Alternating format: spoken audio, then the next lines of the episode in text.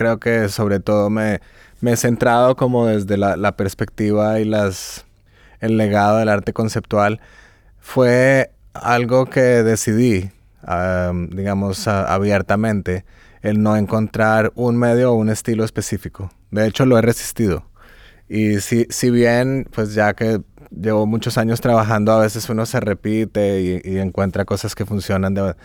de, repente de una mejor manera que otra y, proyectos empiezan a aparecer los unos a los otros. El, la idea de como una firma con estilo siempre me aterrorizaba, lo cual está pésimo para el mercado, obviamente. Si nadie reconoce qué es lo que haces, pues hay como, se pierde como un valor de originalidad, de mercado, pero bueno, ese es otro tema. Pero pero precisamente por eso me interesaba como tratar de siempre estar renovando el vocabulario y encontrar diferentes maneras de acercarme a temas y que los temas determinaran cómo querían ser tratados. O sea, bien si, si de repente una serie de dibujos eh, en lápiz o lápiz y acuarela funcionan porque hacen lo que deben hacer, pues bien está. Pero si lo otro tiene que ser un simposio con 35 personas en la cual mi rol de artista es un poco más invisible, pues también está bien. Y eso no, la verdad no me ha preocupado tanto. Yo creo que es... Eh, no, no, he estado yo tan preocupado con tratar de construir como una, una perspectiva monolítica de quién soy como artista, sino más en tratar de renovar mi, lenguaje de, de de aprender de las diferentes experiencias y de las conversaciones que he tenido con otras personas.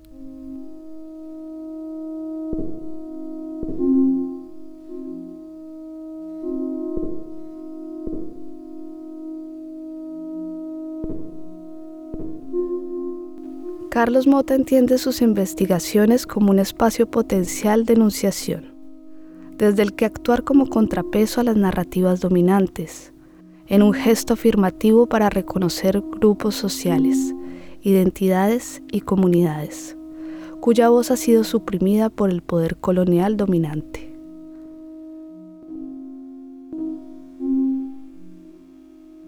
A través de una práctica multidisciplinar radical, su rúbrica se desdibuja en el uso de múltiples medios, desde el video, la instalación, la escultura, la performance o el dibujo sobre papel.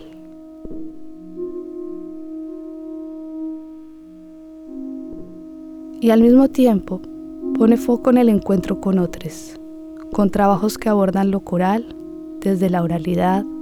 lo documental, la curaduría y hasta la organización de programas públicos y simposios.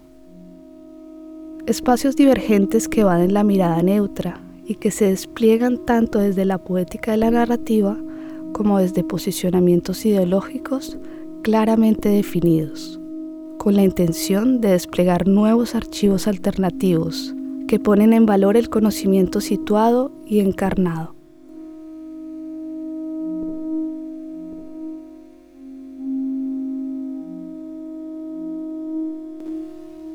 En este podcast conversamos con Carlos Mota sobre arte, política, mercado y condiciones de trabajo. Por su resistencia obstinada a definirse dentro de un estilo y o medio específicos, escuchamos cómo entra y se sale del legado del arte conceptual. Y desde lo que él mismo define como un deseo sociológico de entender, actualizamos las estrategias del tercer cine latinoamericano y el cinema verité europeo a través de su práctica, dispositivos relacionales y formas extendidas de pensar y performar nuevos archivos.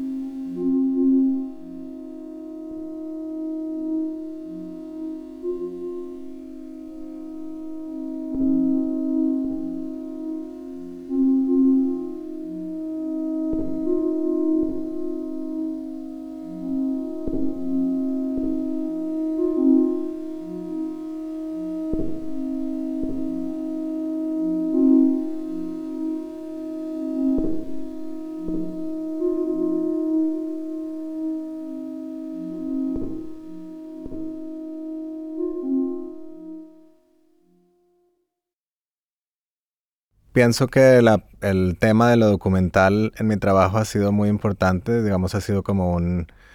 una gran pregunta, pero también un gran detonador de eh, estrategias y maneras de abordar em, los temas y consecuentemente las formas de los proyectos. Eh, inicialmente estuve bastante interesado en procesos de documentación más tradicionales, en línea, digamos, con las tradiciones de, documental de cinema verité, la idea de, producir em, contenidos o opinión pública a través de la experiencia, digamos, un poco performativa de hacer una pregunta en la calle y después eh, Em, empezar a construir un relato y un discurso a partir de, las respuestas que han sido un poco manipuladas por la pregunta que se postula. Y a partir de, digamos, de ese interés inicial empecé a hacer una serie de proyectos em, en los cuales la forma era la entrevista. Me entrevistaba a personas en la calle o entrevistaba eh, personas que estaban, em, digamos, sentadas en un en un lugar de conocimientos específicos o de ser expertos en algunos temas.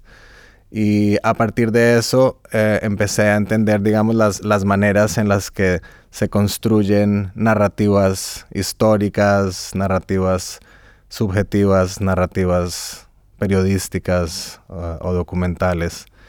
eh, dentro de esos marcos de lo que significa hacer una pregunta o postular un tema. Siento que mm, eh, al principio de mi trabajo tenía un interés en entender la manera como se han construido ciertos relatos y ciertas, ciertas posiciones de enunciación de conocimiento, sobre todo desde la figura del el entrevistador y el, y el, que es entrevistado. Eh, me interesaba pensar en la manera como se puede construir un relato, se puede construir una historia, se puede construir una narración a partir de esa relación de hacer una pregunta a una persona que puede, puede tener el conocimiento específico, em, puede tener cierta autoridad eh, en relación a un tema específico, o por otra parte, una persona que no tiene ese conocimiento, que va a responder más desde una perspectiva subjetiva, no de sentarse en un, conocimiento eh, forjado, sino más un conocimiento que es experiencial o emotivo o cosas así. Entonces, para eso estuve muy interesado en mirar las estrategias del cinema verité, por ejemplo. Me interesaba toda la posición que, eh, pues desde Jean Rouge hasta Pasolini, en, los experimentos de salir a construir estos discursos públicos en las calles. Por ejemplo, Pasolini con Comizi d'Amore, la película donde él sale a hablar con grandes grupos de personas en Italia sobre la sexualidad y el amor como cómo se, cómo se entienden estos temas que son temas subjetivos desde la posición de un niño que está jugando en la calle hasta un grupo de ancianos eh, tomando un café. Y digamos que esa parte fue fundamental para mí para entender cómo podía uno entender esta idea de la, de la opinión pública, como de dónde sale la construcción de un conocimiento que se, que se llama público y de qué manera la mediación de ese conocimiento es, es em, pues bastante específica y centrada en unos intereses conceptuales o unos intereses políticos determinados. Entonces, a partir de ese interés que también está nutrido por el tercer cine em, latinoamericano, argentino,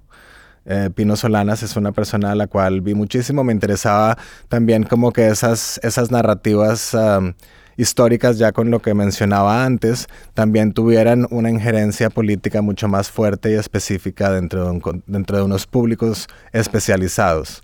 O sea, ya no pensar en que lo documental o la narración histórica pretende situarse desde una posición objetiva, neutra, sino más una, un discurso forjado con una posición mucho más dirigida a un público específico. Es decir, es que sea una narración que construya un posicionamiento político específico. Pino Solanas y Octavio Guetino hablaban del tercer cine, un tercer cine que contribuiría a una, a una eh, articulación ideológica de las luchas de izquierda latinoamericana en, años, en los años 70 y en adelante, ¿no? Entonces, esa fue también, digamos, una, una gran fuente de inspiración. Por un lado, el cinema verité europeo, por otra parte el, tercer, cine latinoamericano. Y a partir de, de, mm, como involucrarme con los intereses, estudiar un poco lo que habían hecho y ver las obras cinematográficas que habían producido, pero también su relación con los públicos, eh, tanto los públicos que eran parte del proceso de la creación de las obras, digamos, frente a la cámara, también los públicos ya en las salas de cine o en las salas de exposición. O sea, cómo reaccionaban los públicos a, la formación de unas ideas políticas desde esa perspectiva em, como bien afinada. Entonces a partir de eso empecé a, pensar en cómo podría yo trabajar con alguna forma em, y alguna metodología específica que me llevara a reflexionar sobre lo que sería construir estas opiniones públicas em, y estas ideas eh, políticas más afinadas en final de los años 90, principio de los años 2000, que es cuando termino la universidad y empiezo a trabajar de una forma más dedicada y profesional. Y eso me lleva a la creación de dos o tres obras que hoy en día pienso son importantes en, en lo que he hecho. Una sobre todo que se llama La Buena Vida, la cual es una obra donde em, recorro parte de 12 ciudades latinoamericanas en un espacio de dos años en compañía de un asistente, sea artista o, o cineasta o un asistente local, recorriendo las ciudades tratando de entrevistar la mayor, la mayor cantidad de personas posibles en las calles acerca de su experiencia e ideas de la democracia como una forma de gobierno localmente y sobre todo en relación a las políticas de intervención norteamericanas en América Latina. Con ese proyecto logro como sintetizar todos esos intereses que les articulé anteriormente y, y ponerlos como también como desde una perspectiva de un artista muy joven, ¿no? Entonces encontrando eh, la manera en la cual iba a, a, a cuestionar y a cuestionarme em, las metodologías que estaba tratando de, formar.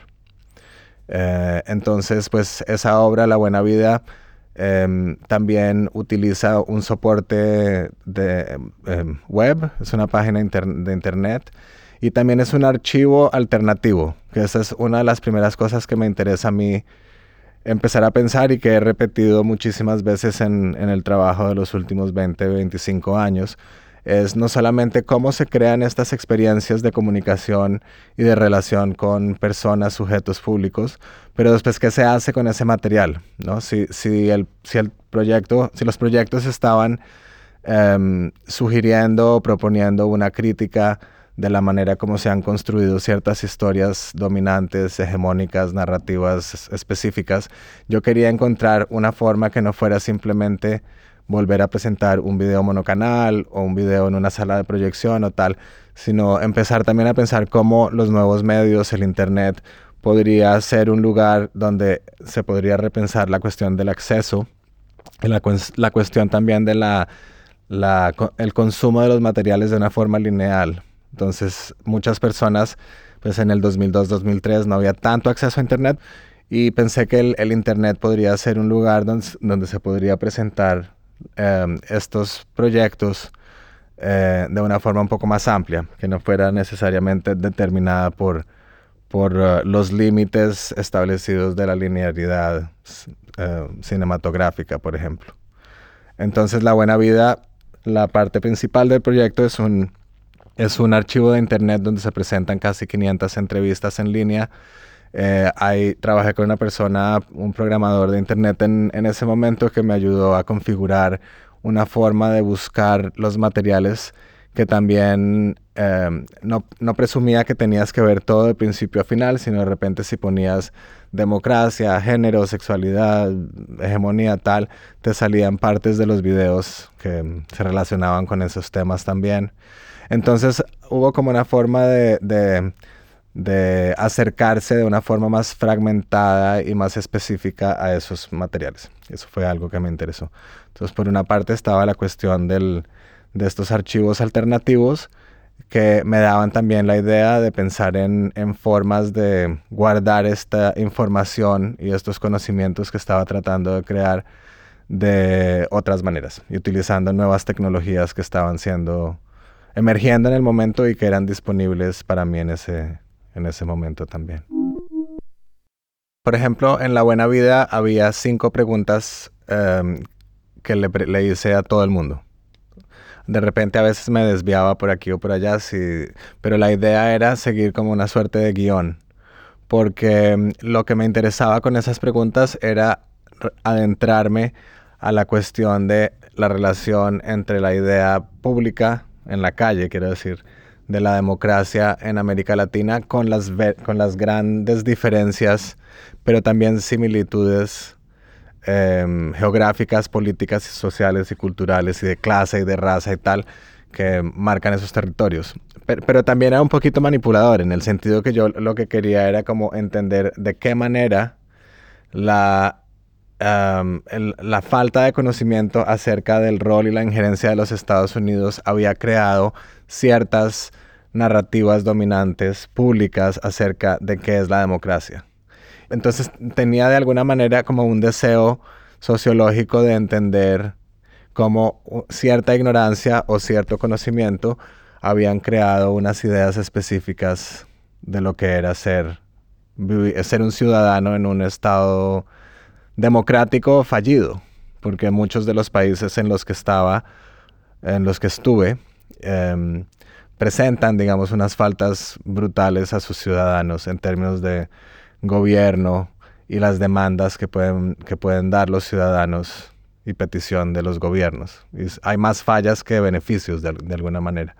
Entonces, la parte manipuladora, entre comillas, tenía que ver como en tratar de insistir en que había una relación de dependencia política, una relación de dependencia autoritaria, una relación de dependencia económica muy profunda y sobre todo también cultural, ya a nivel más a niveles populares con otros con otro lugar, con los Estados Unidos y de alguna manera también con Europa, pero mucho más eh, palpante con los Estados Unidos por algún motivo Latinoamérica fue siempre llamado el patio trasero de los Estados Unidos, ¿no? Era como donde se, donde se han hecho los experimentos más perversos, los entrenamientos militares más atroces, las como si fuéramos una, una suerte de, de una suerte de pueblos inferiores en relación con el gran poderío hegemónico de los Estados Unidos. Entonces yo quería entender eso, como qué, qué tanto se sabía de eso. Y a, partir de ese, de ese ejercicio, pues me di cuenta realmente que había también unos sesgos muy marcados de diferencia entre los conocimientos que tenían que ver a partir de clase, raza y, grupos culturales y también lugares geográficos. O sea, por ejemplo, grupos eh, de personas de bajos recursos que trabajaban en mercados a lo largo de todo el continente tenían muy, muy, muy, muy poca relación con un cuestionamiento político en relación a los Estados Unidos, como que realmente no era una cuestión que se... Pero ya unas clases medias en, en diferentes lugares en, en, América Latina pues tenían una relación mucho más profunda, marcada en, en, en relación a una resistencia de izquierda o anárquica o de resistencia a esas influencias de, los Estados Unidos. Bueno, ya me estoy yendo por otra parte, pero a lo que voy con eso tiene que ver con eh, la cuestión de la pregunta y la escucha. No era tampoco neutra, o sea, yo tampoco venía con una agenda, no era como una agenda antiimperialista necesariamente o una agenda de izquierda determinada por un partido político, nada así, pero sí que había un cierto deseo de entender como la forma en la cual estos conocimientos navegaban en ese momento específico y también en relación a las situaciones políticas específicas de cada país en ese específico momento. Por ejemplo, cuando yo estuve en Brasil, Lula estaba siendo eh, bastante cuestionado por eh, unos escándalos de corrupción. Entonces había como una gran, eh, una gran desilusión con el gobierno de Lula en el momento. Hubiera ido dos años después o dos años antes, seguramente las respuestas serían diferentes. Y eso también era muy importante para el proyecto, el entender cómo ciertas de estas cosas son totalmente circunstanciales. Ya si bien hay unas profundas que están enraizadas en las subjetividades públicas de diferentes grupos sociales, hay otras que están siempre cambiando en relación a los, los escándalos del momento.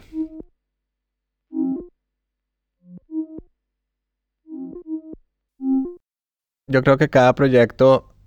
parte de, un, interés conceptual. O sea, yo creo que me considero un artista conceptual en el cual la idea, el concepto primero y después la forma llega. Y en paralelo a eso también va la historia de, de, qué va el proyecto.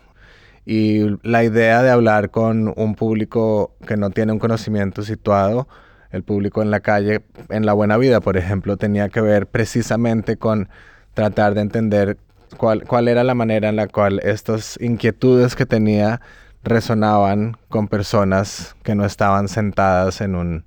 en una silla de un conocimiento específico. Ya con otros proyectos como Nosotros que sentimos diferente, por ejemplo, que es un proyecto que utiliza de alguna manera metodologías similares, la idea era realmente adentrarme y hablar eh, con personas que habían sido partícipes en la construcción de los movimientos sexogenéricos en diferentes lugares del mundo. Y era muy importante no irme a la calle y hablar con alguien que de repente no tiene un discurso o, un conocimiento específico en realidad de las políticas del sexo o el género, porque no me interesaba traficar con, con clichés o con discursos no formulados desde una forma ya respetuosa e intencional y tal. O sea, no quería como repetir eh, formas de discriminación o tenerme incluso que encontrar con las violencias de que alguien te diga una cosa incómoda. Esa no era la idea del proyecto, se habría podido hacer otro proyecto. Ya con ese proyecto, el situarme con personas que habían sido partícipes, que habían intencionalmente construido un discurso, que habían sido parte de movimientos sociales, que habían trabajado en grupos comunitarios, etcétera, pues era muy importante para entender cómo se habían formado en estos diferentes países, Colombia, eh, Corea del Sur, Noruega y Estados Unidos, ciertas políticas específicas o ciertas direcciones, em, tanto emotivas como discursivas como políticas en relación a las historias de la sexualidad y del género en esos, en esos lugares. Entonces, pues ya era un, un proyecto con, una, con un carácter diferente. Era un proyecto mucho más especializado que trataba de, crear un discurso que además estaba también yo tratando de impulsar. O sea, la idea del proyecto era situándome en el año 2010, donde en los Estados Unidos específicamente, pero también en otras partes del mundo, el gran interés tenía que ver con el matrimonio igualitario o el matrimonio del mismo sexo, como el gran como el, como el gran y el último acontecimiento de los derechos civiles en relación al, a la sexualidad. Yo decía, pero ¿cómo llegamos a este momento? O sea, ¿cómo podemos pensar que cuando hacen falta tantas cosas en relación a las necesidades y los derechos de nuestras comunidades, de repente el matrimonio, que es tal vez la institución más violenta, represiva y conservadora de la sociedad, se convierte en el gran, en el gran logro a partir de ese interés, yo lo que quería entender es cómo desde los años 50, donde hay una la formación de unos movimientos que son críticos, eh, antiinstitucionales, que tratan de cuestionar, que tratan de romper con todas esas estructuras. 40 años después estamos en un, estamos como eh, nadando en una ola que lo que busca es la tolerancia y, el asimilacionismo. Entonces, esa era como, o sea, ya yo tenía esa inquietud bastante latente. Entonces, quería a partir de crear este archivo de, de conocimientos diferentes, como entender esa transformación. Esa transformación de que pues es bastante interesante. Em, y, que tiene una, y que tiene respuestas, muchas. O sea, podemos entender a partir de esas conversaciones y las lecturas que hice a partir de ese proyecto qué fue lo que pasó. O sea, ¿por qué, llegamos a ese, a ese punto? Eh, entonces, pues esa era otra, otra forma de acercarme a la cuestión de,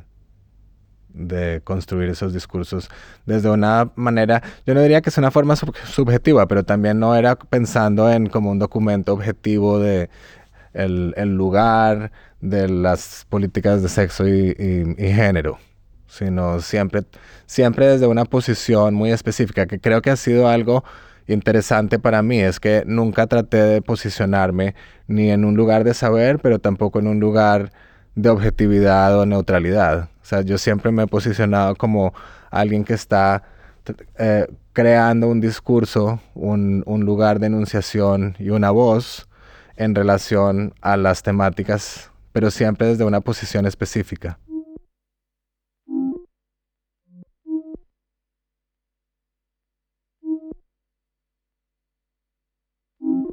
En los últimos cuatro meses,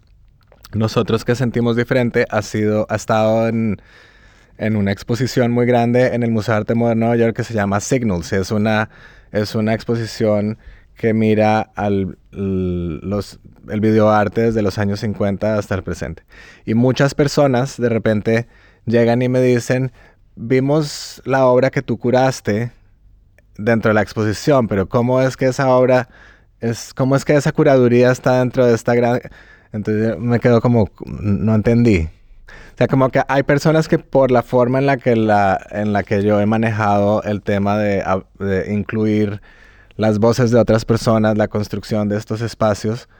em, piensan que no es un trabajo artístico como una obra de arte, sino que es un trabajo ya curatorial, de organización. Y eso siempre ha sido interesante para mí porque si bien no es una obra con una autoría,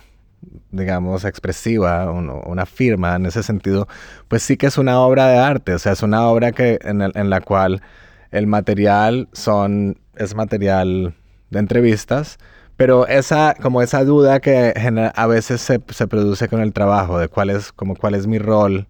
en, en él.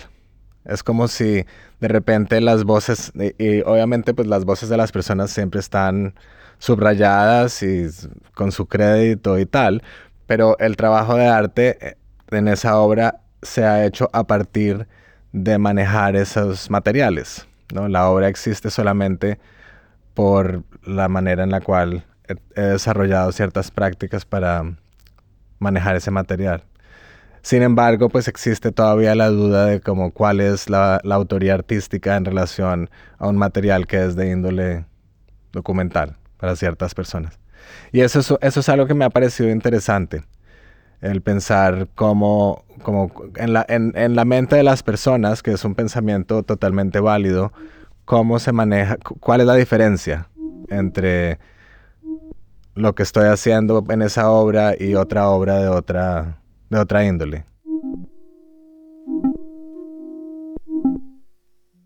Yo nunca me he autodefinido o visto como un activista social. Creo que he trabajado y colaborado con muchos activistas sociales, pero yo pienso que mi rol en el activismo ha sido más eh, estratégico. Por ejemplo, porque mi carrera se desarrolló o se ha desarrollado en relación con instituciones de arte y fondos de arte. Em, y se ha visto el trabajo sobre todo en instituciones de arte, ya sea galerías comunitarias o galerías comerciales o museos de arte tipo este, el MACBA. Em, yo entendí que me daban la oportunidad estratégicamente de utilizar ciertos espacios de visibilidad, pero también ciertos fondos, ciertos dineros para hacer una injerencia y, y, poner en evidencia ciertos procesos de activismo que no se veían dentro del ámbito cultural. Entonces, por ejemplo, hay un, un proyecto específico que ilustra muy bien esto y que fue realmente premeditado y conceptualizado en colaboración con una activista, eh, entendiendo muy bien las limitantes y las faltas que había tenido su grupo, que es la Red Multicultural de Mujeres Trans de Guatemala, que es un grupo liderado por una activista trans increíble que se llama Galilea Monroy, y Galilea es em, la líder y fundadora de un grupo de mujeres trans, trabajadoras sexuales, em, racializadas, indígenas, de alguna manera, en Guatemala. Y mm, con la, gran misoginia, pero también transfobia de, de la sociedad y el Estado guatemalteco, las necesidades y los derechos de las mujeres trans, digamos que son gran son marginalizadas y no son para nada prioritarias. Lo cual quiere decir que las mujeres trans de Guatemala están solas. Están solas consiguiendo dinero, consiguiendo espacios de articulación de sus discursos, consiguiendo vínculos internacionales con organizaciones que las financien, pero también que les den acceso a información, educación, cualquier cosa. Entonces yo tuve la oportunidad de conectarme con, esta, con este grupo y con Galilea. Y la financiación para el proyecto que yo iba a desarrollar venía de una fundación de arte norteamericana que se llama Creative Capital, pero también de una bienal de arte local que se llama la Bienal de Arte País. Es una bienal que pasa en Guatemala, em, financiada inicialmente por una familia de, vinculada con el arte, que es la familia Pais. Esto para decir que estamos, pues em, empiezo a desarrollar este proyecto con dineros del arte y en espacios del arte. Y porque eh, los proyectos y los dineros habían sido destinados a mí, digamos el artista que tenía cierta reputación, que había creado un cuerpo de trabajo validado por las instituciones de arte, como todas esas historias de, acceso y de privilegio que los artistas protagonizan. Eh, pues en realidad yo convencí a la curadora de la Bienal, a Cecilia Fajardo Gil en ese momento, y a Emiliano Valdés, que en ese momento dirigía un espacio que se llamaba Em, proyectos Ultravioleta, que hoy en día es una galería de arte comercial dirigida por eh, Stefan Benchoam, pero en ese momento Stefan y Emiliano tenían un proyecto independiente, que era una institución de arte sin, sin local, que estaba en un centro comercial en el centro de Guatemala y era un lugar frecuentado por las, por las mujeres trans y las trabajadoras sexuales. Era un lugar bastante popular en el centro de Guatemala. El caso es que con digamos que con el apoyo de Cecilia desde la Bienal y de Stephanie y Emiliano desde Ultravioleta, pues encontramos que hacer el proyecto con estos dineros del arte nos daba la oportunidad de crear un archivo de entrevistas y puntos de vista eh, liderado por las mujeres trans, para las mujeres trans, que eso era otra parte bastante importante en ese proyecto, donde no venía yo como alguien que no realmente no conocía nada del trabajo sexual desde una forma experiencial, pero tampoco de ser trans. Eh, lo que hicimos fue que las mujeres trans lideradas por, por Galilea y las miembros, de, las miembros de su grupo lideraron el proceso de autorrepresentación. Y una vez teníamos todos estos videos listos y todo el proceso listo, pues iba a haber una presentación en el marco de la Bienal, ¿verdad? Entonces con Galilea nos sentamos y ella me dijo, yo no quiero que esto se presente como una obra de arte en un museo porque no va a tener ningún beneficio para nosotras. Yo quiero que pensemos en una forma en la cual utilicemos esa estructura y esa visibilidad institucional de la Bienal de Arte País, que evidentemente es un, evento con mucha, mucho cubrimiento de prensa en las páginas culturales. Eh, etcétera, y que encontremos una manera de que, haya, de que se haga algo más importante. Entonces en ese momento, en conversación con todas las personas que estaban ayudando, llegamos al Centro Cultural de España, que es un lugar muy importante en el mundo cultural en Guatemala. Está en el centro de la ciudad y es un lugar donde se presenta teatro, literatura, vienen artistas españoles, presentan, hay colaboración con artistas locales, otros centroamericanos de carácter regional, etc. Bueno, el caso es que David, el director del Centro Cultural, aceptó que presentáramos el proyecto ahí, pero no se quiso hacer una exposición. Lo que quisimos hacer fue un una simposio o una, una reunión donde por primera vez en la historia de ese centro cultural se invitaron a 250 mujeres trans de todo el país a que vinieran a presentar los videos, pero también sus proyectos, em, en conversación con representantes de la Cruz Roja, del el Ministerio de cuestiones de género y sexualidad de Guatemala,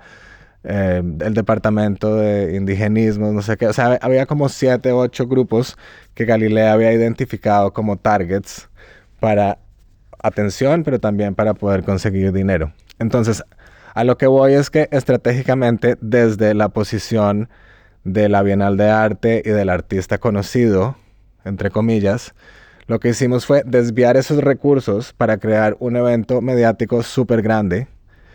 eh, que fue cubierto en las páginas culturales, pero salió en el periódico, ¿no? En vez de no salir en el periódico porque es un tema de trans y no sé qué, que no iban a cubrir. Y logramos que en ese momento, pues, em, hubiera esa conversación, que, que, estas, estas problemáticas eh, tan graves de sociales, sexuales, de salud, de representación identitaria y de otras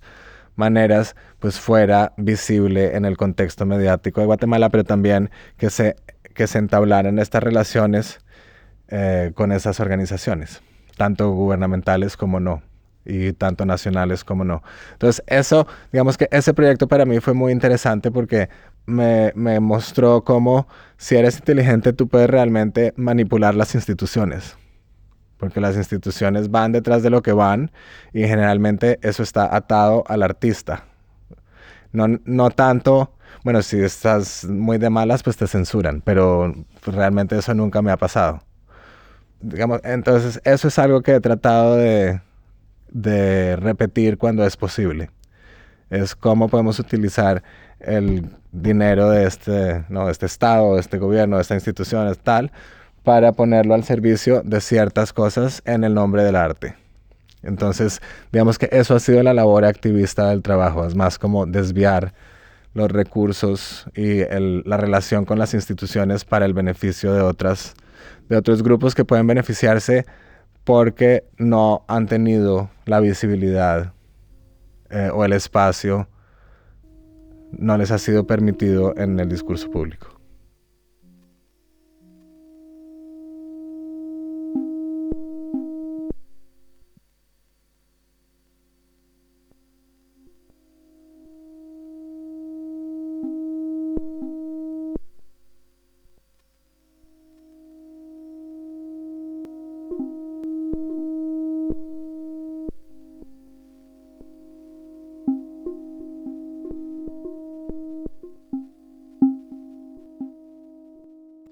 Pues la vida de los artistas es una vida llena de contradicciones,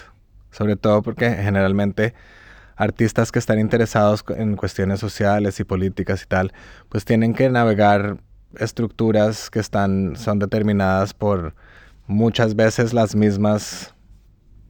cuestiones que criticas en tu obra.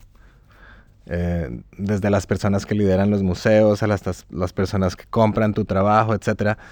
son cuestiones de realmente de... Son como retos éticos permanentemente. Em, pero también pues hay una realidad muy factible y es que como artista tienes que ganarte la vida.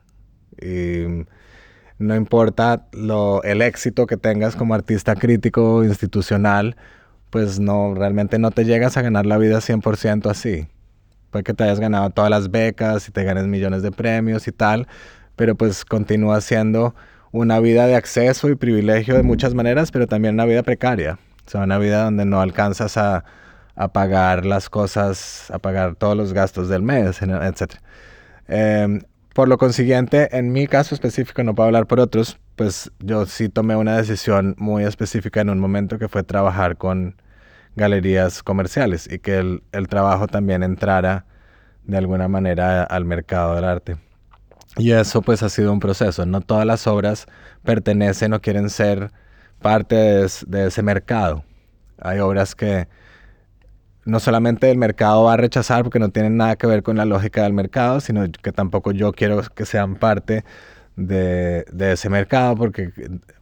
matarían su ímpetu o matarían la, el, impacto que podrían tener discursivo, etc. Eh, pero hay otras obras que he creado, digamos, que son mucho más eh, conceptualizadas en relación con formas estéticas, movimientos de arte, tradiciones de historia del arte y tradiciones comerciales. Y en ese sentido, pues he estado cómodo con que las obras se muevan en, en, en los mercados sin estar 100% cómodo siempre de quien las compra. O sea, no, digamos que ese conocimiento muchas veces no lo quiero tener, no lo quiero tener, es como que te haces un poco el que no ve porque pues de, repente hay personas muy de derecha o muy con unas posiciones políticas que tienen unas colecciones de arte político súper radicales por otra parte. Es como, mm, ¿qué pasó? ¿No? Como, como piensas así y votas así, pero de repente tienes un galpón en el sur de la ciudad lleno de obras radicales de artistas políticos. Pero bueno, ya eso es como una cuestión que tiene uno que empezar a, a destilar caso a caso, ¿no? Y cómo te relacionas con esas estructuras que de, muchas maneras son más grandes que, que, cualquier artista. Sí, no, yo tengo amigos, colegas, artistas que no podrías creer que puedan ser tan, tan, tan famosas o famosos y no tienen con qué pagar la renta. O sea, es una cuestión que han cambiado el discurso, que artistas de gran renombre y de repente en la intimidad te das cuenta que no, no pueden pagar la renta. Porque además han sido personas que no han sido parte de, o no han sido astutas, o no han sido parte, o no han querido, o han querido rechazar, etcétera, eh, las, las formas de comercialización del arte y el mercado. Sea, pero, pero pienso que eso es algo pues muy específico a cada artista. Por otra parte, hay artistas, grandes artistas críticos que han cambiado el lenguaje tal, los discursos, y son súper aptos en comercializar su obra y tienen todo un entendimiento acerca de cómo la obra se vende, eh, cuáles son esas estructuras de distribución y tal, y están bien con ello. O sea, es como, realmente no hay como una fórmula para todos los artistas, eso depende de lo que haces.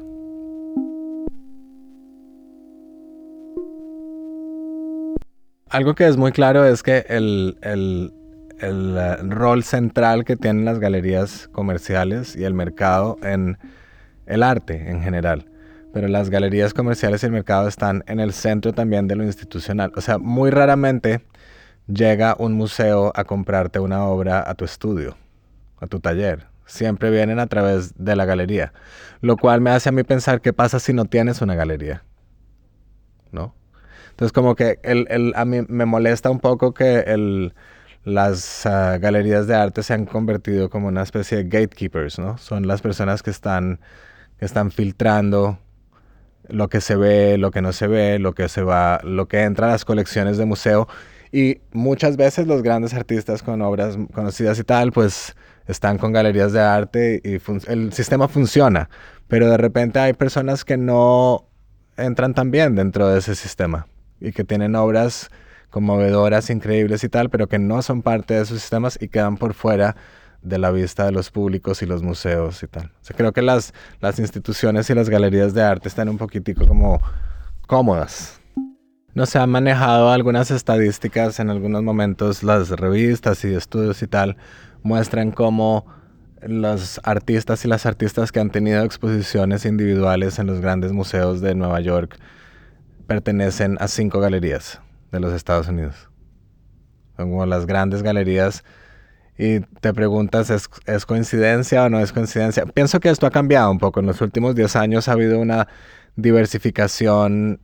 eh, del mundo del arte muy grande, eh, desde las personas que dirigen las instituciones hasta los artistas que son presentados en diferentes lugares. Pero sí que ha sido un problema. O sea, siento que ahora en los Estados Unidos hay un, una gran conciencia, pues como una gran conciencia, no sé si es real o es una, una, postura, pero hay un, un, gran un gran despertar acerca de lo que es la diversidad y, y el racismo y, ¿no? como, y, cómo se ha reflejado eso en los programas de museos, en los artistas que son incluidos, los artistas que se ven. Y pues hoy en día ves los artistas que se están presentando son artistas que han sido históricamente excluidos. Ha habido como una, una forma de, de, reparación y rectificar como ese racismo y exclusión institucional, que está comenzando, pero pues por lo menos ya hay un proceso en camino.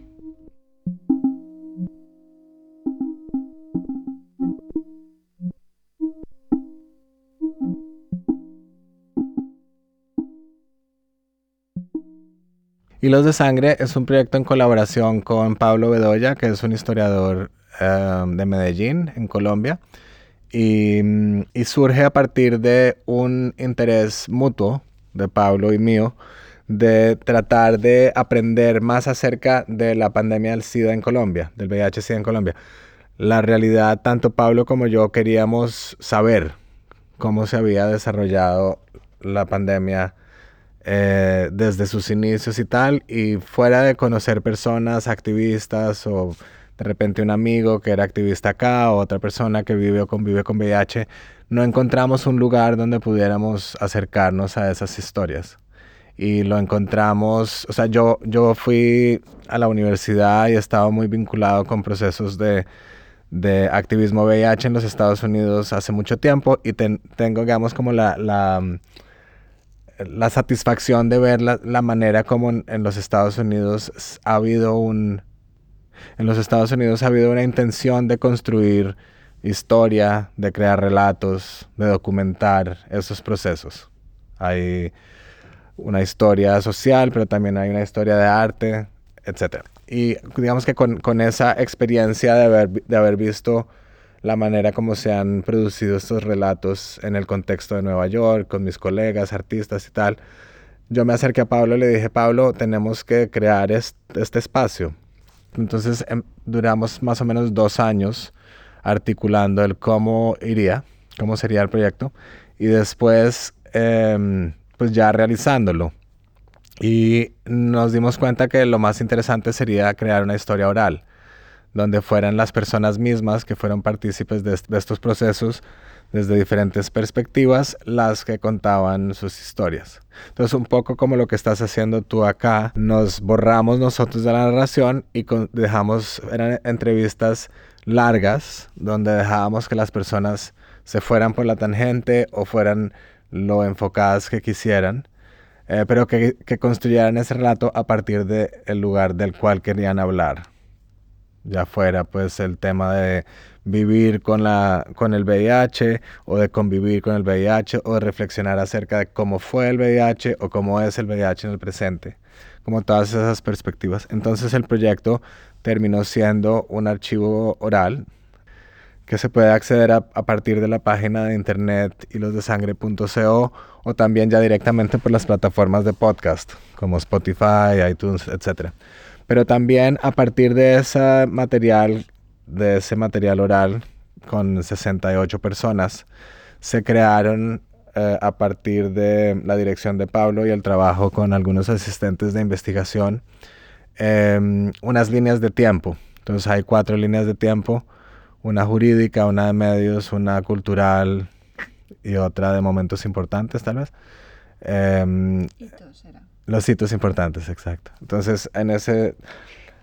eh, cuando entras a esa parte puedes ver cómo, puedes tener una idea em, como histórica de cómo se desarrollaron las cosas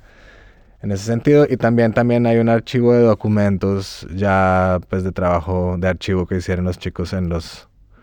en Bogotá, en Cali, en diferentes archivos institucionales y mediáticos. Entonces, yo creo que mm, pues estamos bastante satisfechos con la, la idea de que alguien que no sabía nada, que es básicamente todo el mundo, tenga la posibilidad de entrar a ese espacio y conocer desde la perspectiva de las personas que fueron parte de esos procesos cómo se desarrollaron las cosas. Y el proceso fue apoyado por una beca de la Fundación Penn Mellon, pero también eh, con el apoyo del Museo de Arte Moderno en Bogotá. Entonces, en, desde marzo hasta junio de este año se presentó también una versión, em, como una visualización. Yo no diría tanto que es una obra de arte en sí, sino una visualización del material en la sala del, del museo. Y hubo una serie de eventos eh, en relación a esas historias. Y otra parte importante del proyecto, desde mi perspectiva como artista, yo lo que sabía es que quería ayudar a contribuir a la creación de una historia del arte en relación a la producción del VIH. Si bien había algunos artistas famosos que murieron por causas de, VIH-Sida en Colombia, como Luis Caballero, Lorenzo Jaramillo em, o Luis Fernando Zapata, que son personas que digamos que existen en la conciencia cultural de los medios culturales y del arte en Colombia, pues yo bien sabía que había muchísimas obras más que no habían sido ni expuestas en museos importantes en Colombia, ni se discutían eh, a partir de ser obras que trataban específicamente ese tema. Entonces, eh, pues con Pablo desarrollamos la investigación, encontramos más o menos 35 artistas, desde personas que murieron hasta personas jóvenes que están trabajando en el presente, que tocaban el tema, y ya Eugenio Viola y Juanico Moreno, los curadores del, del museo, curaron una exposición que se tituló Virosis, Arte y VH en Colombia 1981-2023. Y Virosis es, la, es em, eh, un título que es también la obra de una, el nombre de una obra de Miguel Ángel Rojas, que es un gran artista colombiano, que presentó una reflexión acerca del contagio de VIH en 1981. Entonces, eso también fue para mí, digamos, un gran, gran logro, el poder eh, lograr que un museo institucional establecido, convencional, como o sea, Arte Moderno Bogotá presentara por primera vez una exposición específica sobre el arte del VIH en Colombia. Entonces, eso, eso acaba de terminar, pero fue pues un momento muy emocionante para las personas que han estado involucradas con esta, con el, el VIH-Sida, los activismos, los procesos culturales y cosas que nunca han existido realmente en, eh, en estos discursos dominantes. Em, sí, yo creo que ya pues retomaremos en algún momento a ver si existe una manera de hacerlo, de pasárselo a otra persona, por ejemplo, que continúe en la investigación, o si de repente tendremos otra fase de, de entrevistas, porque pues sí que quedaron personas por fuera y, e historias que seguramente son importantes, pero creemos que por el momento es lo que es.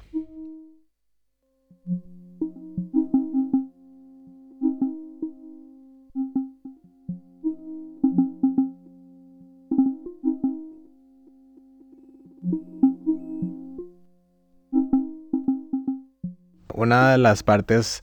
digamos, más interesantes del trabajo en los últimos 10 años ha sido el acercarme a la manera como em, en los archivos coloniales se registraron las historias de diversidad sexual y de género. Y, el entender la complejidad de ese proceso. Em, y, y, el cómo podía también yo trabajar con esas historias. Entonces, por ejemplo, el trabajo Cuerpo Fechado, que parte de un trabajo de archivo donde se encuentra un caso de un sodomita em, eh, que es juzgado por la Inquisición portuguesa por ser sodomita, lo cual pues ya era un, un gran crimen,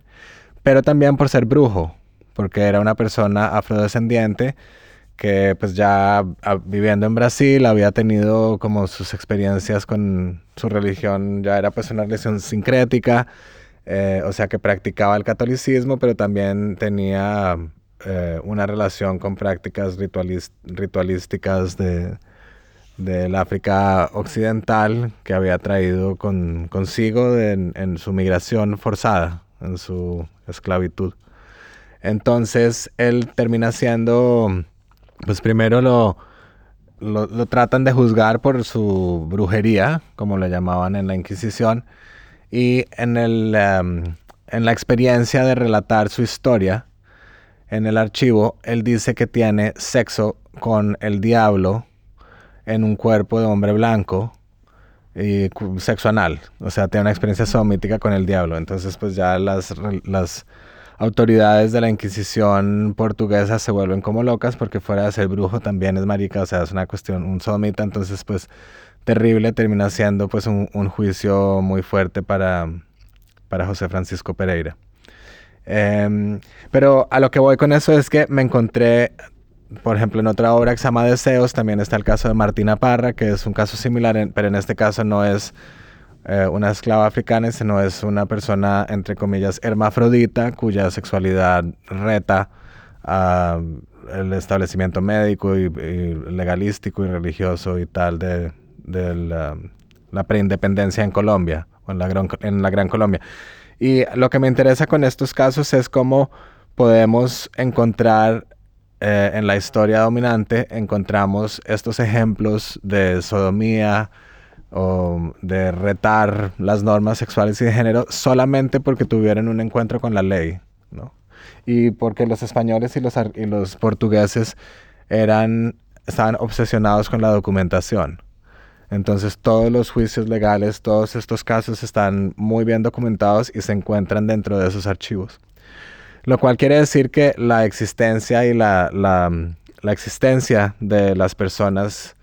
eh, sexodisidentes o género disidentes en estos contextos coloniales están completamente determinadas por su encuentro con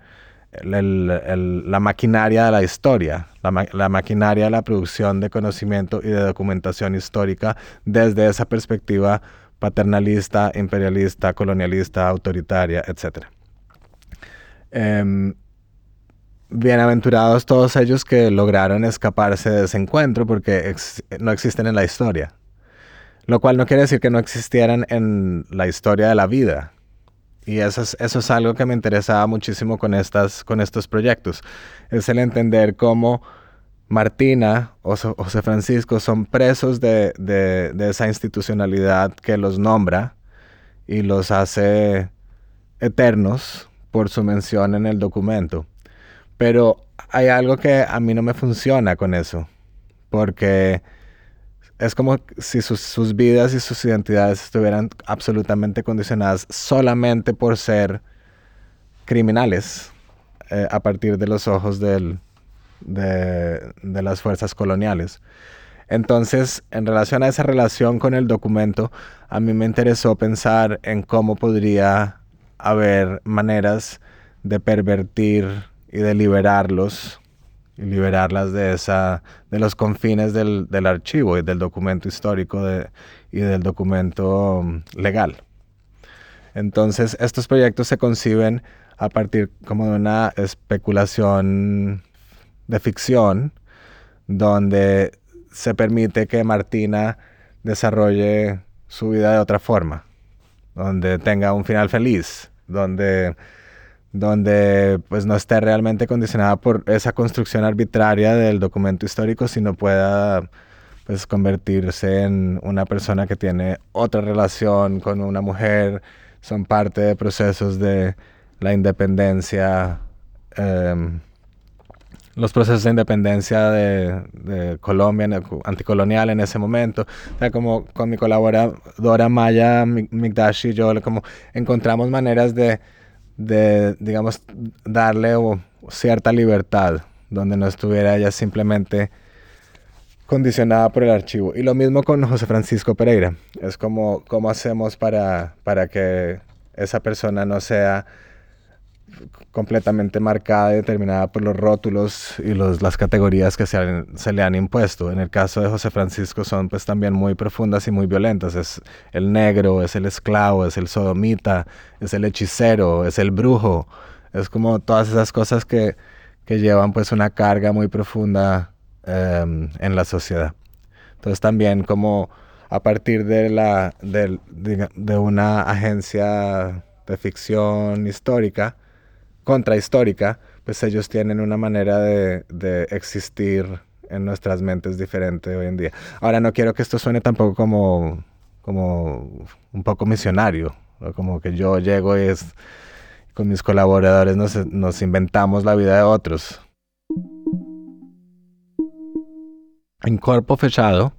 ya hablamos un poco de la historia de José Francisco Pereira, que es el, el personaje principal de la pieza, que es el personaje que se recupera del archivo y al cual se le da la como la agencia de construir una, un, futuro diferente. Pero hay otro personaje en ese, en ese video, un um, cura italiano del siglo XI que se llama San Pedro Damián. Y San Pedro Damián es un personaje bastante importante en los, en los estudios de la sexualidad Em, aunque realmente nadie lo conoce. Y yo llegué a él ahí, pues como por, no me acuerdo exactamente cómo llegué, pero es muy importante porque San Pedro Damián lo que hace es que por primera vez escribe y articula em, el rol del sodomita. Y articula la manera como el sodomita se convierte en el enemigo de la religión precisamente porque es, es una práctica sexual que no lleva a la reproducción y cómo entonces sitúa en el, en el ano y en la práctica de la sodomía como toda esta carga histórica que después se empieza a reproducir muchísimo en, en, textos, en textos religiosos y en textos eh, legales y en todo tipo de textos. O sea, ya que en el siglo XI se construye esta categoría que viene a marcar nuestras vidas hasta el presente. sea, que para mí era muy importante entender históricamente cómo se había reproducido y digamos la atracción que tuvo como concepto también. Porque no es como que la escribió y la gente dijo, no, eso nada que ver. Al contrario, empezó a tener fuerza, a reproducirse y a ser como algo que, que pues ha determinado la vida de tantas personas hasta el presente, que condiciona no solamente eh, perspectivas morales, pero también legales con, con ah, efectos muy, muy perversos, como por ejemplo hoy en día en Uganda, donde las personas si son descubiertas teniendo una relación con una persona del mismo sexo, pueden ir a la cárcel e incluso ser ah, condenadas a muerte. Y eso viene de ahí, viene del siglo XI. Entonces son, son eso, para mí era muy, realmente bastante interesante utilizar, eh, pues digamos, el potencial de los proyectos para hacer esta investigación histórica y, dejarla documentada y, mencionarla y, como insistir en, en la importancia de conocer de dónde vienen estas cosas. En el año 2011, 2012 más o menos, em, empecé a desarrollar un interés muy como latente, muy importante en entender eh, como las políticas sexuales y de género en el presente, pero para entender qué era lo que estaba haciendo, digamos, con los proyectos como nosotros que sentimos diferente, talentos de género, etcétera, muchos proyectos en los que estaba muy involucrado con comunidades, generando diálogos, eh, tratando de entender sus activismos, pero empecé a sentir que me hacía falta entender como una, digamos, genealogía histórica de la categoría de la diferencia o algo así. Y entender cómo se habían construido las maneras dominantes y hegemónicas de entender la sexualidad y el género em, que trascendían el presente, que no eran simplemente como historias desde 1970 hasta hoy, sino mucho anteriores. Entonces eso me llevó a, investigar y a crear una, una, serie de proyectos, que pues ya llevo casi 10 años trabajándolos, que tienen que ver con la forma como la sexualidad corresponde, y sobre todo en el contexto latinoamericano y también el género, en eh, otra de las categorías coloniales, em, pues que son herencia de los procesos de conquista. Y a partir de eso, pues empecé a ver em, la manera como existían ciertas piezas Ah, de culturas indígenas latinoamericanas en todo el continente, desde México, desde los mayas hasta los, hasta los ah, incluso hasta los mapuche en Chile, pero sobre todo los uh, moche en Perú, los varios grupos indígenas en Colombia y tal, que habían producido piezas escultóricas donde había eh, representaciones homoeróticas, encuentros sexuales Em, sobre todo entre hombres, la verdad, o entre cuerpos masculinos, eh, más que, em, que otras, pero a partir de eso empecé como a hacer una gran colección de imágenes y cuando tenía la posibilidad de encontrar el, pues el pie de página el origen de, de esos objetos, eh, pues también lo empecé a categorizar y empecé también a ver cuál había sido la lectura que había traído la colonia sobre estos objetos. Y lo que empecé haber también ayudado con ciertos textos importantes eh, al respecto, em, sobre todo de alguien que se llama Pete Siegel, que es un, historiador americano que está basado en, la, en Duke University en, los Estados Unidos, empecé a ver cómo em, pues había realmente un rechazo muy grande de las ciencias sociales desde una perspectiva discriminatoria y como extraña en relación a el querer leer esos objetos eh, a partir de la sexualidad y del cuerpo, de lo que representaban. Entonces muchas veces cuando había un relato atado a ellos siempre estaba anclado como ciertos, ciertas convenciones indigenistas, como esto tiene que ser sobre la fertilidad de la tierra, o tiene que ser como una relación con la visión del cosmos, y como esas historias que pues naturalmente son parte de discursos indigenistas o de historias indígenas, pero pues que realmente no, pues no, no sabemos, no conocemos muy bien sobre todo porque hubo una gran, digamos, como decisión de borrar estos conocimientos a partir de destruir los objetos. O sea, realmente se destruyó todo lo indígena, esas historias ya las conocen, pero pues con e, estos específicamente empecé a encontrar estos relatos donde había habido pues realmente una acción sistemática de desaparecer todo lo que, lo que transgrediera la forma como se entendía el sexo Em, heteronormado y el, y el eh, género binario en ese sentido en, eh, en ese momento. Entonces, a partir de la consecución de estos objetos y textos y tal, y empecé también a visitar ciertos museos antropológicos, a hacer visitas guiadas, a hablar con algunos curadores de los museos y a entender cómo estas instituciones tampoco habían bueno, uno censuraban muchísimo, no se veían, estas piezas estaban siempre como fuera de, exposición, de las exposiciones, pero también como unas historias muy divertidas, tal como el curador de un museo, no sé si esto es verdad, la verdad, pero una guía en el Museo de Antropología de México me contó que uno de los curadores había entrado a una, a una excavación arqueológica y había visto que pues había todas estas figuras con los penes erectos y había cogido un martillo y había roto todos los penes de las esculturas. Entonces en algún, en algún lugar en las bodegas del museo hay como un canasto lleno de penes. Como historias así, pues que son entre, entre simpáticas pero también como muy alarmantes en relación a, la forma en que las ciencias sociales se han acercado a este tipo de conocimientos. Entonces, eh, pues digamos que ese fue el punto de partida. Entonces, con, el, con la poca información y con mi falta de entrenamiento como antropólogo, arqueólogo, no soy ninguna de esas cosas, lo que quise hacer fue tratar de construir un proyecto que se llama eh, la trilogía Nefanda o Nefandus Trilogy. Eh, a partir del concepto de lo nefando. Lo nefando es, ah, lo nefando es algo que es tan inmoral y tan... Eh, algo que no se puede... Es, es, algo tan inconcebiblemente inmoral que no se puede mencionar. O sea, es algo como lo innombrable, de alguna manera. Entonces fue una, un término en latín muy utilizado en documentos religiosos que me llevó a, a querer mostrar lo nefando, que generalmente tenía que ver con prácticas sodomíticas y cualquier cosa que, que se relacionara con la utilización del ano y de las sexualidades no reproductivas. Entonces el proyecto cuenta de tres videos, que son los videos de la trilogía Nefanda, pero también hay una, una exposición escultórica que se llama eh, Hacia una historiografía homerótica, eh, y así como otra serie de piezas relacionadas. Pero la idea era tratar de construir y de traer, de agrupar estas piezas y reunirlas a partir de un discurso de, homoerótico.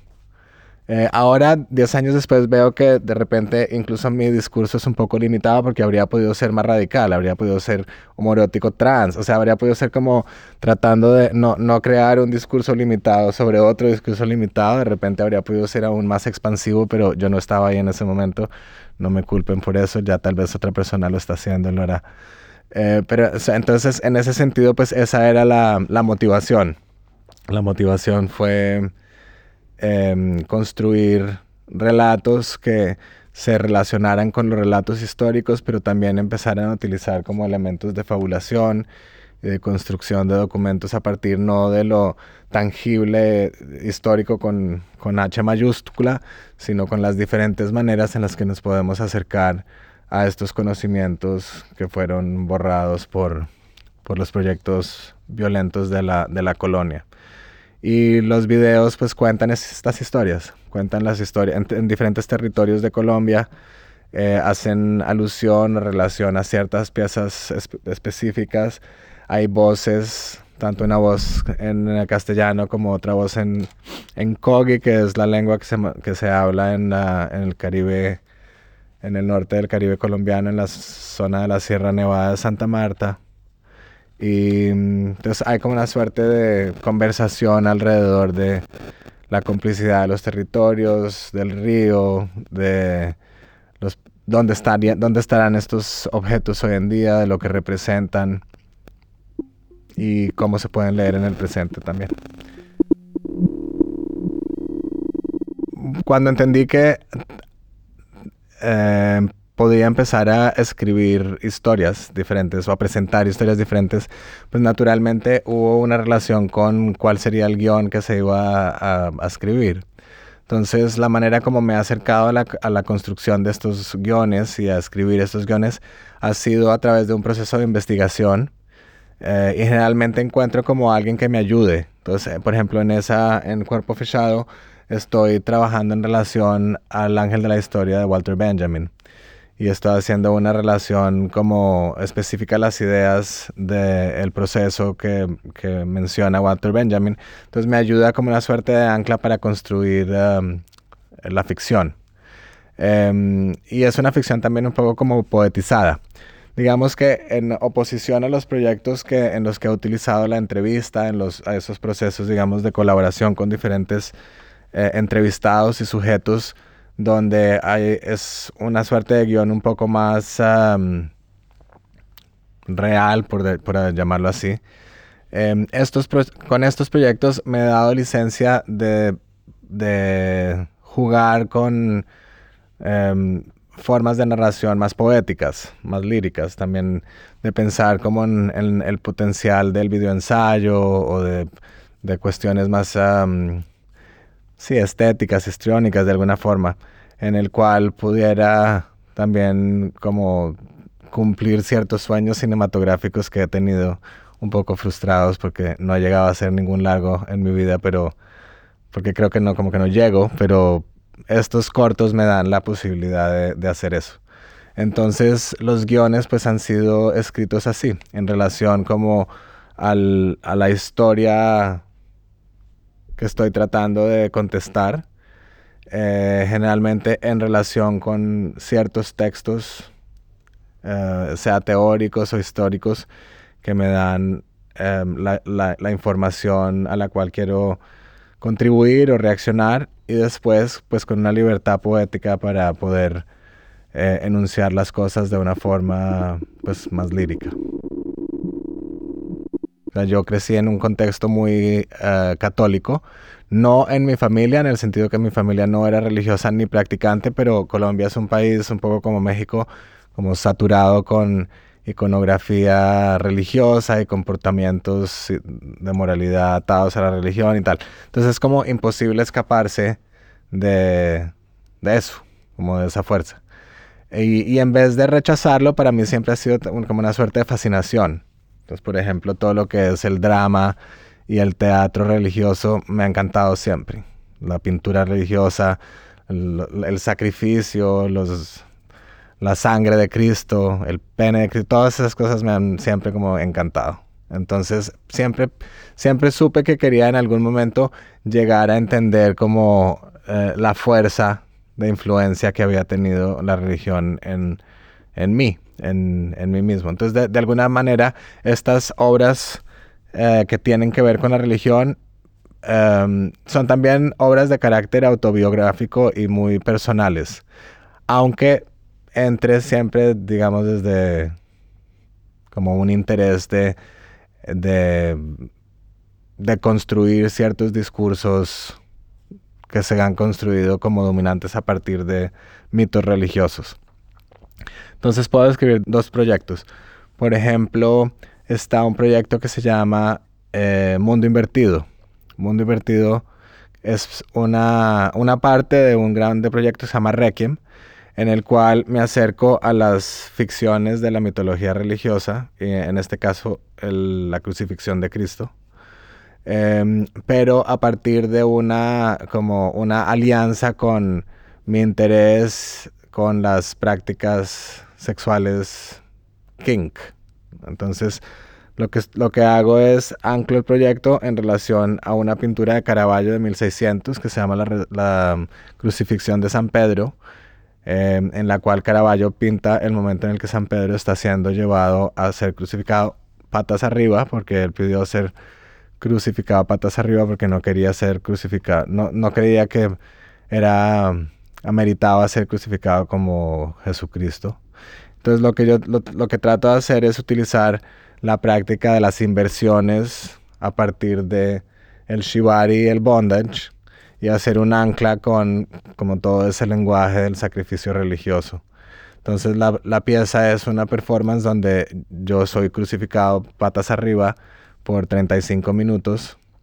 y hay dos hombres que son como mis, mis guías de shibari, de shibari que me están ah, jalando los brazos, o sea, me están como descuartizando y es un poco ambiguo si me está doliendo o estoy teniendo un orgasmo eterno. Entonces como que quería jugar también un poco con esa, con esa ambigüedad. Y bueno, esa pieza entonces está contrastada con el discurso de una amiga mía que se llama Lynn Tonstad, que es una teóloga queer que está basada en la Universidad de Yale en, New Haven, donde ella explica el trabajo de otra teóloga que se llama Marcela Altus Reed, que era una teóloga feminista y queer argentina que desarrolló su carrera en, el Reino Unido por mucho tiempo.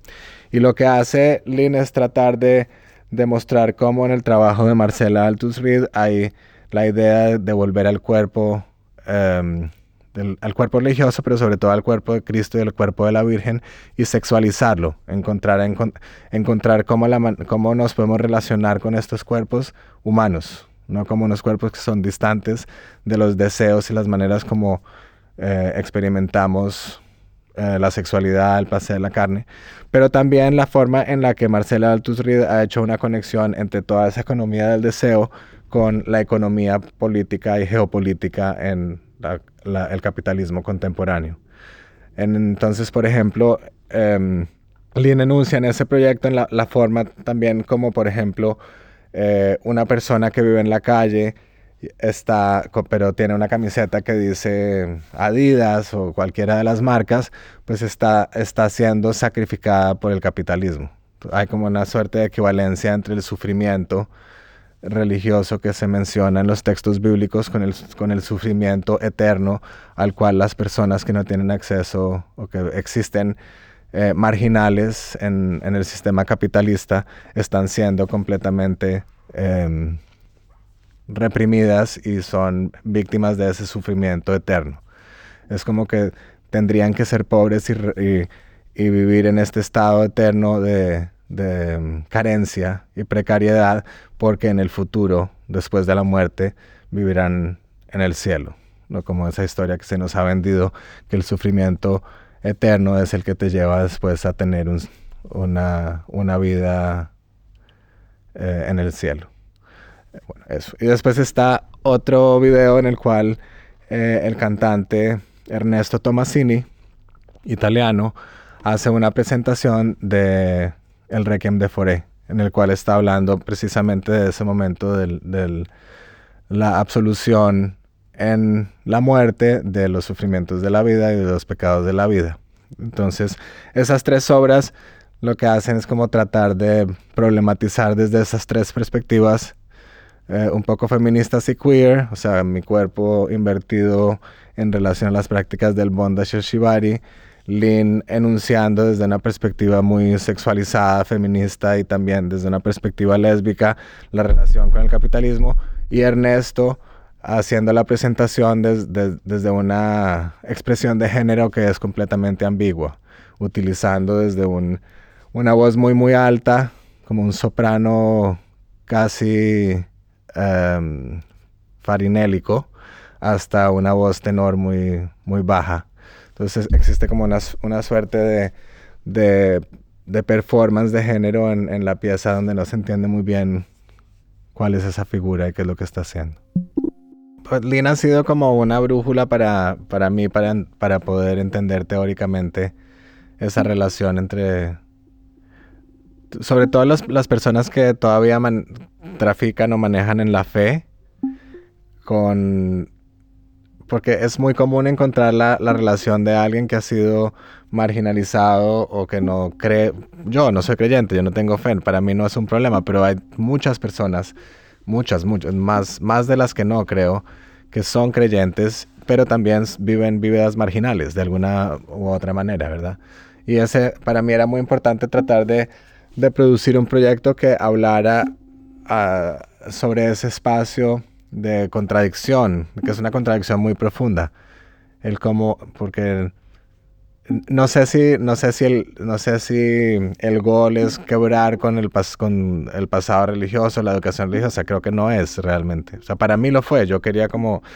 no estar atado a esas historias, pero yo he conocido muchísimas personas que respeto muchísimo y cuyas vidas y experiencias respeto muchísimo, a las cuales esta experiencia de la fe en relación a la sexualidad, a una mirada diferente de la sexualidad del género, pues real es muy importante. Entonces para mí era importante como no ser tajante en, uh, en, en um, reducir la importancia de esas historias de espiritualidad y institucionalidad religiosa en los cuerpos y las sexualidades diferentes.